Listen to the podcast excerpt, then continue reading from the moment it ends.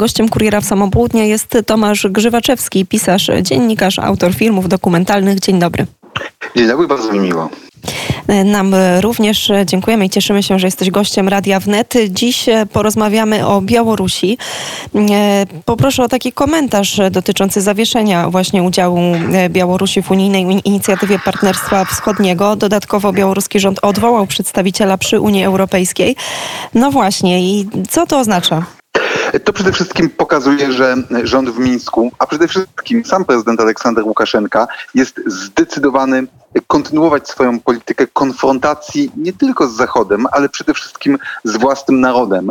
Politykę polegającą na represjonowaniu niepokornych, na łamaniu wszelkich norm międzynarodowych, na prześladowaniu tych, którzy choćby w jakimkolwiek, nawet najmniejszym stopniu zdecydowali mu się przeciwstawić. No i jednocześnie myślę, że to działanie pokazuje to, co obserwujemy od dawna, że każda oznaka, każdy sygnał wysyłany przez Zachód otwartości, pewnej chęci do negocjacji jest odczytywany zarówno w Mińsku, jak i w Kremlu jako przejaw uległości, słabości, które trzeba bezwzględnie wykorzystywać. Mówię o tym dlatego, że w zeszłym tygodniu mm, Francja oraz Niemcy zaproponowały w trakcie trwania szczytu Unii Europejskiej, aby na kolejny taki szczyt zaprosić e, prezydenta Władimira Putina. Na szczęście ten skandaliczny pomysł został mm, zablokowany staraniami delegacji krajów środkowej Europy, Polski, krajów bałtyckich.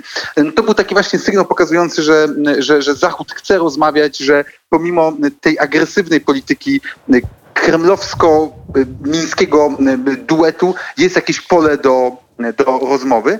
No i znowu kilka dni, kilka dni potem Mińsk pokazuje, że będzie dalej prowadzić tę politykę konfrontacyjną. Także ten schemat otwartość ze strony Zachodu versus agresja ze strony Mińska i Moskwy po raz kolejny się niestety potwierdza. No właśnie, a z drugiej strony jak spojrzymy czy to na te sankcje nakładane przez Unię Europejską na Białoruś, czy na Rosję, to trochę mamy takie wrażenie, że gdzieś one są jak rzucanie grochem o ścianę. To znaczy nie mamy jakichś realnych narzędzi wpływu i nacisku na reżim Łukaszenki, czy chociażby na prześladowanie dziennikarzy w Rosji. No i powstaje pytanie, co w takim razie możemy jako Unia Europejska? Skuteczność sankcji oczywiście jest w pewnym stopniu ograniczona. Nie powiedziałbym, że one są zupełnie bezskuteczne. One jednak mogą prowadzić do pewnej erozji, erozji reżimów. Natomiast jeżeli mówimy o sankcjach, które miałyby być wymierzone w prezydenta Łukaszenkę i jego dwór, to takie sankcje muszą być synchronizowane z sankcjami wymierzonymi również w prezydenta Putina i w tych moskiewskich e, bojarów, ponieważ dzisiaj prezydent Łukaszenka jest po prostu klientem protegowanym e, Putina. Ja nie wierzę, żeby najważniejsze decyzje zapadające w Mińsku były podejmowane bez przyzwolenia Kremla, a zatem takie sankcje, jeżeli mają w jakikolwiek sposób oddziaływać na reżim w Mińsku, muszą równocześnie uderzać w Rosję, a tak jak wspomniałem, no dzisiaj nie tylko nie ma mowy o nowych sankcjach wymierzonych w Kreml, ale co więcej raczej jest próba szukania pola do negocjacji, do rozmów, do jakiegoś nowego otwarcia i to zarówno po stronie Unii Europejskiej, jak i być może niestety po stronie Waszyngtonu, o czym może świadczyć chociażby to, że jednak prezydent Joe Biden, pomimo szumnych zapowiedzi, nie nałożył żadnych sankcji reakcji na gazociąg Nord Stream 2. Zatem ta sytuacja nie napawa optymizmem. Ja tutaj pozwolę sobie mm, w kontekście tej, tej decyzji Mińska zacytować białoruskiego politologa Ramana Jakułelskiego, który powiedział, że ta decyzja świadczy o tym, że dotychczasowa geograficzna granica Europy i Azji przebiegająca wzdłuż gór Ural przesunęła się w naturalny sposób na rzekę Bug. To jest bardzo ponura, bardzo smutna konstatacja. Także dla Polski także dla Polski, bo okazuje się, że my niestety dzisiaj graniczymy z Azją i to Azją nie w znaczeniu geograficznym, ale w znaczeniu e, myślenia o polityce i porządku e, międzynarodowym. No a to myślenie, w cudzysłowie azjatyckie, jest to myślenie wschodnich satrapii, które nie traktują swoich obywateli jako obywateli tylko jak poddanych, a ościennych narodów nie jako partnerów, e, ale jako potencjalny cel do podbicia, który trzeba ujarzmić i wziąć pod, pod but. I dzisiaj okazuje się, że niestety my po prostu z takim państwem, a właściwie państwami, bo przypominam o granicy z obwodem kaliningradzkim, po prostu graniczymy. Mm, no właśnie, a z drugiej strony jest tak, że politycy europejscy starają się Łukaszenkę wciąż e, traktować jak polityka, który gdzieś działa na podobnych zasadach. E, mamy też tak, że Łukaszenka cały czas mówi o tym, że jest gotów wprowadzić stan wojenny. Mówi o tym, że będzie rezygnował z towarów i technologii z Zachodu. To wszystko nie ma co ukrywać, że będzie odbijało się po prostu na codzienności zwykłych obywateli e, Białorusi. No i pytanie, jak w takim razie z takim politykiem rozmawiać? No, w mojej ocenie z prezydentem zarówno Łukaszenką, jak i prezydentem Putinem można rozmawiać tylko i wyłącznie z pozycji siły twardo artykułując swoje oczekiwania i jednocześnie w taki sposób dyplomatyczny, e, karząc za e, te działania, które łamią międzynarodowe standardy i to zarówno w polityce wewnętrznej, w przypadku Białorusi masowe represje e, wobec niepokornych obywateli, w tym również wobec mniejszości polskiej, przypadku Rosji chociażby e, represje wobec Aleksja Nawalnego, no ale również te działania na płaszczyźnie międzynarodowej.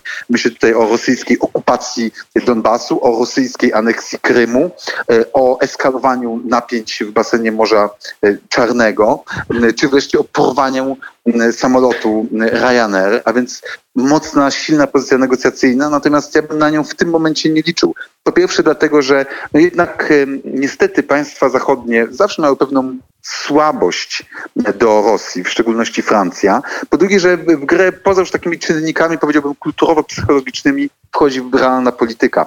Dzisiaj w szczególności właśnie Francja i Niemcy y, coraz bardziej identyfikują jako główne zagrożenie to, co dzieje się w Afryce Północnej i w pasie Sahelu, a mianowicie postępujący upadek państw w tamtym regionie i w związku z tym gwałtowny wzrost zagrożenia kolejnym kryzysem migracyjnym, tym razem właśnie już nie z Bliskiego Wschodu, ale właśnie z pasa Sahelu takie pierwsze y, takie wypowiedzi na forum oficjalnym pojawiły się w lutym w czasie monachijskiej konferencji bezpieczeństwa, kiedy najpierw Angela Merkel mówiła o zagrożeniu z tamtego regionu, potem prezydent Macron y, właśnie w tym kontekście wzywał do szukania pól współpracy i kooperacji. A co ciekawe, z tymi y, wydarzeniami, o których rozmawiamy, wczoraj zbiegło się zakończenie szczytu związanego z walką z państwem islamskim, tak zwane spotkanie globalnej koalicji do walki z państwem islamskim. I jakby w, w podsumowaniu tego szczytu włoski minister spraw zagranicznych Luigi Di Maio wskazał, że o ile państwo islamskie zostało pokonane, to mnożą się właśnie ugrupowania terrorystyczne w regionie Sahelu, że ten region przemierzają migranci, że dziś ochrona tego regionu oznacza zapewnienie bezpieczeństwa w Europie. I ja się obawiam, że z punktu widzenia tej właśnie polityki międzynarodowej w tą stronę będzie szło patrzenie e, Berlina i Paryża, a jednocześnie być może ceną za to miało być zapewnienie sobie spokoju na wschodzie, czyli po prostu dogadanie się z Putinem kosztem nas, kosztem Europy Środkowej. A więc my po prostu musimy mieć tego świadomość i twardo walczyć o swoje interesy, tak jak zrobił to nasz rząd na zeszłotygodniowym szczycie Unii Europejskiej. To jest naprawdę wspaniały sukces e, i Warszawy, i szerzej środkowoeuropejskiej Solidarności. Bardzo serdecznie dziękuję za ten komentarz. Ja jeszcze tylko w tym punkcie, ponieważ akurat e, rozmawiałam o mm, znaczeniu Sahelu dla naszego kontynentu ostatnio na antenie Radia Wnet z Witoldem Repetowiczem, to od razu polecę w tym miejscu mm, jedną z jego najnowszych opinii zatytułowaną Ekspansja Rosji w Sahelu. Polska powinna wesprzeć Francję. Tam ta sytuacja jest bardzo mm, dokładnie opisana i warto się z takim artykułem zapoznać. Tomasz Grzywaczewski, pisarz, dziennikarz, autor filmów dokumentalnych, był gościem Radia Wnet. Bardzo dziękuję za komentarz. Bardzo dziękuję za zaproszenie rozmowy i życzę Państwu dobrego dnia.